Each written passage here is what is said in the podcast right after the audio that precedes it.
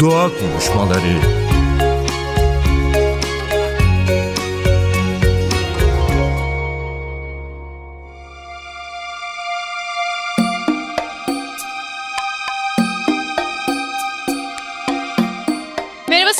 NTV Radyo dinleyicileri ben Nacide Berber. Doğa Konuşmaları programına hoş geldiniz. Yılın son programındayız. O yüzden bugün yılı değerlendirmek istedik. Sık sık konuğumuz olan Boğaziçi Üniversitesi İklim Değişikliği ve Politikaları Araştırma Merkezi Müdürü, İklim ve Doğa Bilimci Profesör Doktor Levent Kurnaz bizimle birlikte. Hoş geldiniz Levent Hocam. Hoş bulduk. İyi yayınlar. Yılı kapatırken sıcak bir gündemle de kapatıyoruz aslında iklim kriziyle ilgili. COP28 toplantısı vardı. Hemen ilk etapta onu sormak isterim aslında. Sizin değerlendirmeleriniz nasıl ama bir taraftan da dinleyicilerimiz için hani COP28 neydi ve neden önemli iklim kriziyle mücadelede? Bunu da hatırlatırsanız çok mutlu olurum. Dünya devletleri 1992'de bir araya geldiler ve temelde dediler ki bu iklim değişikliği çok kötü bir şeydir. Bizim bu iklim değişikliğini durdurmamız lazım. Tabii böyle çok genel, ortaya karışık bir laf söyleyince herkes evet diyor buna. Çünkü kimsenin ayağına basmıyor, kimseden bir şey istemiyor, bir şey gerektirmiyor. Onun için 1992 yılında herkes rahatça buna evet dedi. Yalnız dediler bundan sonra her senenin sonunda Kasım ya da Aralık ayında o sene neler yaptığımızı ve ileride neler yapmamız gerektiğini daha ciddi bir biçimde konuşalım. Ve bu toplantılara, sene sonunda yapılan toplantılara taraflar konferansı deniyor. Ya da İngilizceden kısaltmasıyla bizim COP dediğimiz şey, Conference of Parties. Dolayısıyla hani rakamdan da anlaşılabileceği gibi bu sene 28.si yapıldı bu toplantıların. Ve neredeyse bir sene Covid nedeniyle atlandı. Onun dışında her sene ülkeler toplantılar ve bu konuda çok ciddi konuşmalar yaptılar. Yalnız bu ciddi konuşmaların sonunda ciddi sonuçlara varıldı mı? Maalesef hayır. Çünkü bunu sadece COP28 açısından söylemiyorum. Geri kalan 28 tane COP açısından bakıldığında bir tarafta bütün bu yapılan toplantıları yani işte ilk Rio 92 yılındaki toplantıdan ilk COP Berlin'de ondan sonra Kyoto'daki COP sonra Kopenhag'daki COP Paris'teki COP en son geldik Dubai'deki COP Bunların hepsine baktığımızda ve bunların yanına bir de atmosferdeki karbondioksit miktarındaki artışı çizdiğimizde çok rahat görüyoruz ki dünya devletleri gerekli olan hiçbir şey yapmıyorlar ve atmosferdeki karbondioksit onlar sanki neredeyse hiçbir şey yapmamış gibi hızlanarak artıyor. Ha elbette tabii kimsenin çok fazla günahına da girmemeli. Belki devletler hiç hiç yap bir şey yapmıyor olsalardı daha da hızlı artacak. Emme ve lakin bizim şu anda çok hızlı bir şekilde karbondioksit miktarını düşürmemiz gerekiyor. Ama baktığımızda hala artmakta olduğuna göre her ne yapıyorlarsa başarılı değiller. Ve COP28 de bu konuda bir istisna teşkil etmedi. Diğerlerinde olduğu gibi COP28'de de çok ciddi başarılı bir sonuç alınamadı. İklim tarafından baktığımızda bu probleme. COP28 bize iklim kriziyle geldiğimiz nokta ve işte yapılanlar ya yapılmayanlarla ilgili tabii ki çok fazla madde var ama sizce en çarpıcı olanlar ve en azından acil ve önemli olarak çözülmesi gereken noktalarla ilgili olan sonuçlar hangileriydi? Çıkan ve çıkmayanlar tabii. Öncelikle ortaya ne çıktı? Ortaya çıkan şey bir, geçtiğimiz COP'ta yani 27'de bu iklim krizinden çok fazla zarar gören ülkeler için bir kayıp ve zarar fonu kurulmasına karar verilmişti. Ve hani dinleyiciler bilmeyebilirler muhtemelen bu COP dediğimiz şey iklim değişikliğini durdurmak için yapılan bir şey. Ve bu sene bu COP'u düzenleme sorumluluğu Birleşik Arap Emirlikleri'ne verildi ki dünyanın en büyük petrol ve doğalgaz üreticilerinden bir tanesi. Dolayısıyla bu hani kurt lara kuzuları emanet etmek gibi bir olay oluyor. Yani mantığı yok, olmayacak bir şekilde. Üstüne bir de bir katman daha koyacak olursak bu toplantının başkanlığını da Birleşik Arap Emirlikleri'nin ulusal petrol şirketinin başkanı yaptı. Bu bir neredeyse katman daha koydu üstüne. Yani anlamı yok. Yani en olmayacak kişiye neredeyse. Yani Birleşik Arap Emirlikleri'nde bu görevi kime vermezsiniz diyecek olsanız vermeyeceğiniz kişi bu işin başkanlığını ele geçirdi. Dolayısıyla bu adam açılış konuşmasını yaptı. Dedi ki arkadaşlar bu kayıp ve zarar fonunu kurmak zorundayız. Kabul ederler. Böyle soru sorulunca zaten herkes kabul ediyor. Evet kesinlikle kuralım çok haklısınız. Tabii arka tarafta dönen bir tane nokta var. Amerika Birleşik Devletleri evet ben bunu ha bir de şunu söylememiz gerekiyor tabii. Bu toplantılardaki bütün kararlar oy birliğiyle alınmak zorunda. Yani bir kişi kalkıp hayır dediği zaman karar alınamaz hale geliyor. Dolayısıyla özellikle Amerika Birleşik Devletleri'ni ikna etmek gerekiyor. Amerika Birleşik Devletleri de kayıp ve zarar konusuna bir tane temel şart koydu. O da Dünya Bankası bu kayıp ve zarar fonunun biriktirileceği yer olursa kabul ederim dedi. Dolayısıyla onu da hallettikleri için açılış toplantısında dediler ki kayıp ve zarar fonunu kuruyoruz. Kabul edenler herkes kabul etti, etmeyenler yok. Şimdi bu tabii herkes açısından çok böyle alkışlanacak bir şey ama ya kusura bakmayın şimdi bu şuna benziyor. Diyelim ailedeki küçük çocuksunuz. Biri size kumbara alıp getirdi ailenin ortasında verdi. Bak sana bir tane kumbara aldık. Çok güzel, iyi de hani birilerinin bu kumbaranın içine para atıyor olması lazım. Birincisi. İkincisi bu para atmanın sürekli olması gerekiyor. Üç, benim isteklerime ya da ihtiyaçlarıma yeterli olması gerekiyor bu paranın. Dolayısıyla ortada bir kumbara var ama bu üç şartta yerine getirilmiş durumda değil. Yani bu kumbaranın içine çoğu ülke para atmıyor. Artı atanların atmaya devam edecekleri de garanti değil. Yani aynen bayramda olduğu gibi hadi bakayım torunuma 10 lira vereyim falan gibi bir kumbara bu. Üstüne yeterli mi? Kesinlikle değil. Yani bu toplantı sırasında o kumbaranın içerisinde toplanan para yaklaşık 700 küsür milyon dolar. Ama gelişmekte olan ülkelerin ya da az gelişmiş ülkelerin bu konuda her sene olan ihtiyaçları 1 trilyon dolar mertebesinde. Dolayısıyla hani aynen siz bisiklet almak istiyorsunuz. Büyükler ceplerindeki bozukluğu kumbaraya atıyorlar. Karşılığı bir olay oldu burada açılışta. Yalnız tabii kimse de bir laf edemiyor. Çünkü ortaya bir kumbara kondu mu herkes kumbara konmasını istiyordu. Kondu. İçine para atıldı mı? Herkes para atılmasını istiyordu. Evet atıldı. Şimdi e o zaman bir de itiraz ediyorsunuz içine yeterli para atılmadı diyemedi çoğu kimse. Onun için herkes alkışladı bunu. Çok alkışlanacak bir şey değil geri çekilip bakıldığında. İkinci önemli husus bu toplantının sonunda çıkması gereken karar bizim fosil yakıtlardan hatta onu da demeyelim fosil yakıtları hemen bırakmamız gerekiyor. Şimdi bu işin dili çok çetrefilli bir dil. Onun için ben de az evvel cümleye başladığımda durdum. Şimdi aynı cümleyi söylemenin biz vatandaşlar açısından bakıldığında fosil yakıtlardan hızla uzaklaşmamız lazım.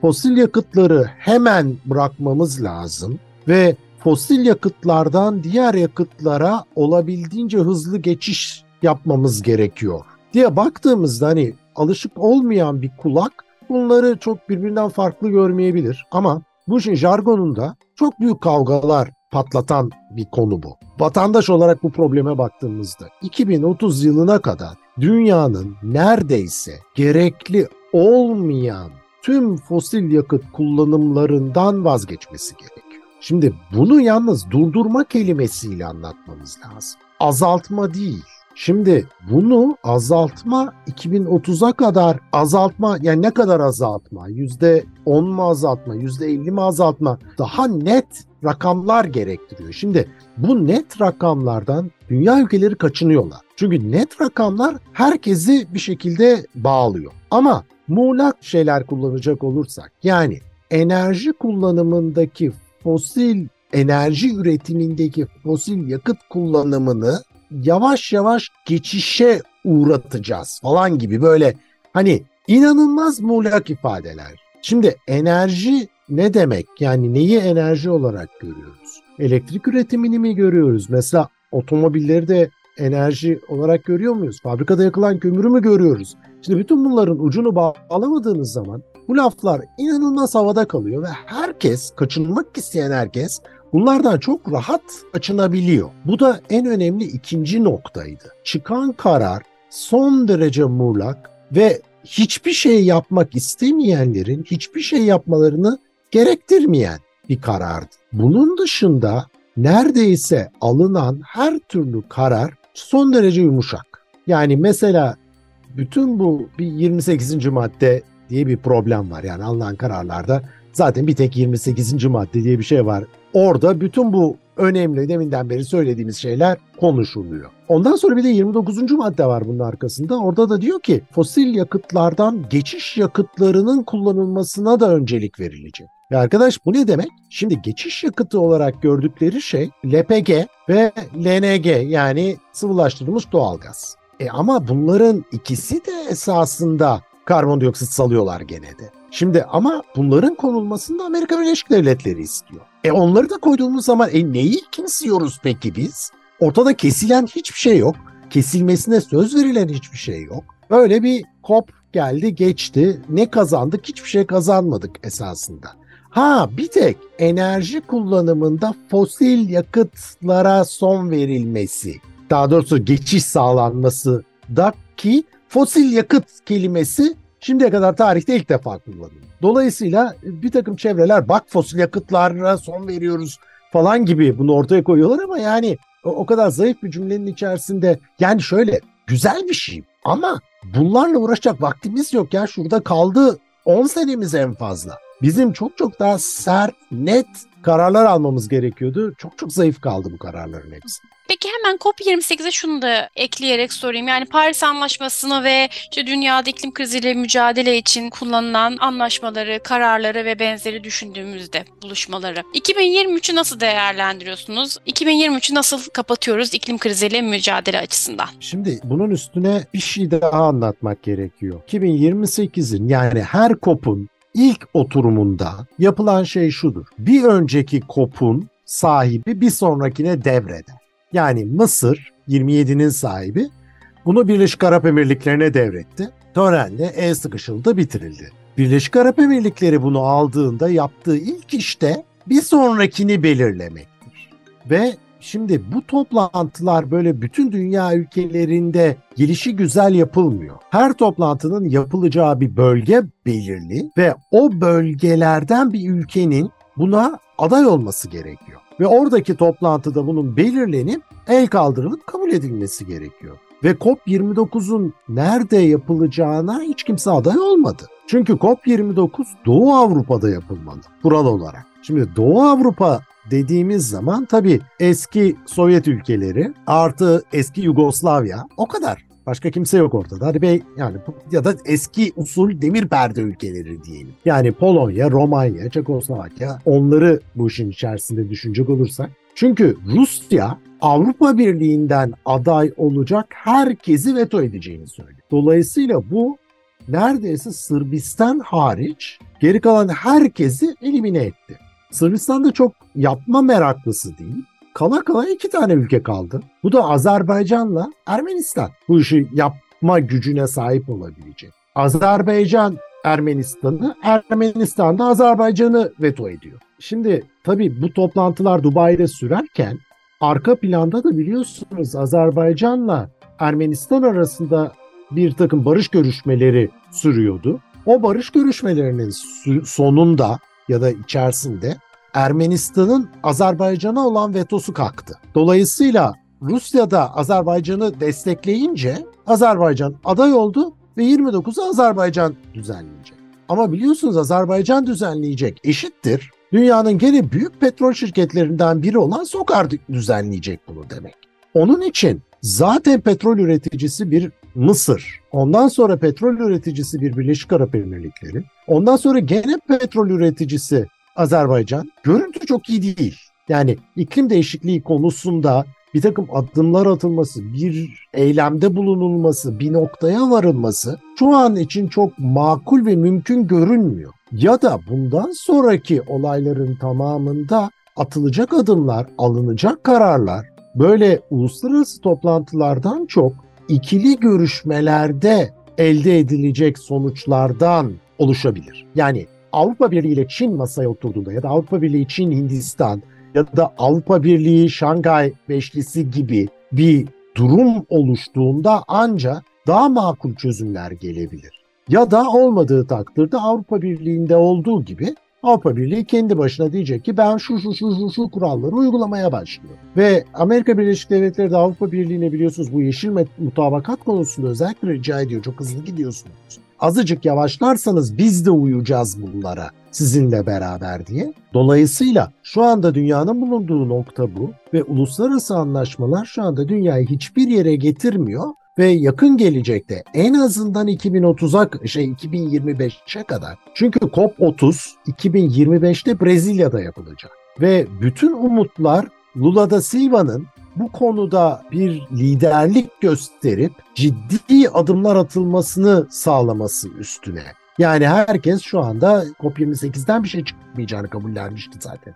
Baştan Azerbaycan'ı da herkes geçerek 2025'te 30. COP'ta Brezilya'da bir takım sonuçlar alınmasına bakıyorlar. Dolayısıyla 2025'e kadar bu alanda herhangi bir ciddi ilerleme olmasını beklememize gerek yok.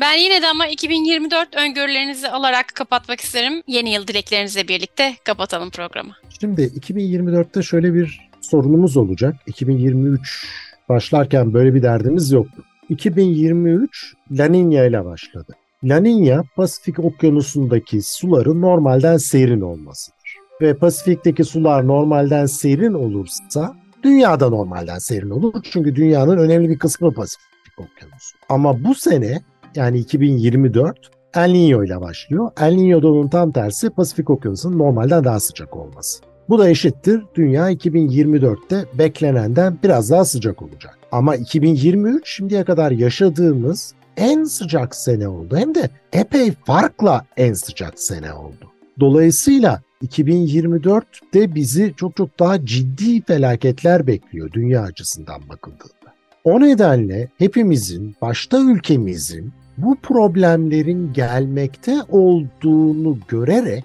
hazırlık yapması gerekiyor. Ve bu noktada benim çok hoşuma giden, beni çok mutlu eden bir karar son Milli Güvenlik Kurulu'nda alındı. Ve Milli Güvenlik Kurulu iklim krizi bir güvenlik meselesidir. Bu konuda hazırlanmalıyız dedi. Şimdi bu gerçekten çok ciddi bir şey Türkiye açısından bakıldığında. Çünkü bizim artık bu konuda kaybedecek vaktimiz yok. Hepimizin bu konuda çalışması gerekiyor. Ama bir tane güzel taraf var. O da doğa bize faydalı şeyler getiriyor.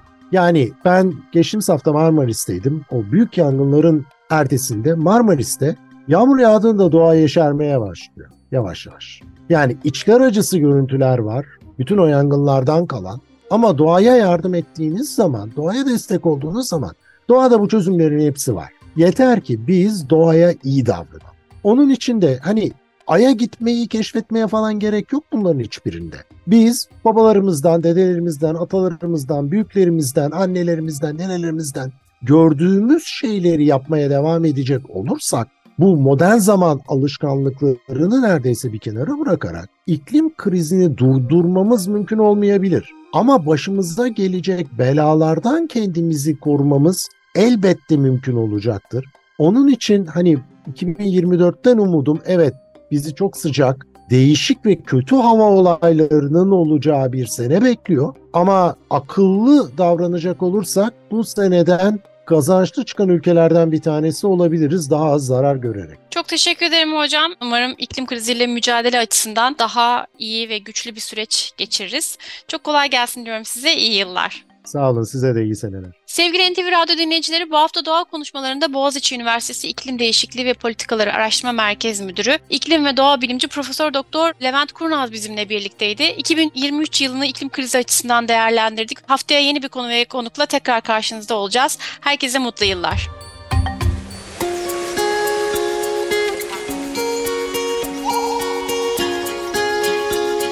Doğa konuşmaları sona erdi.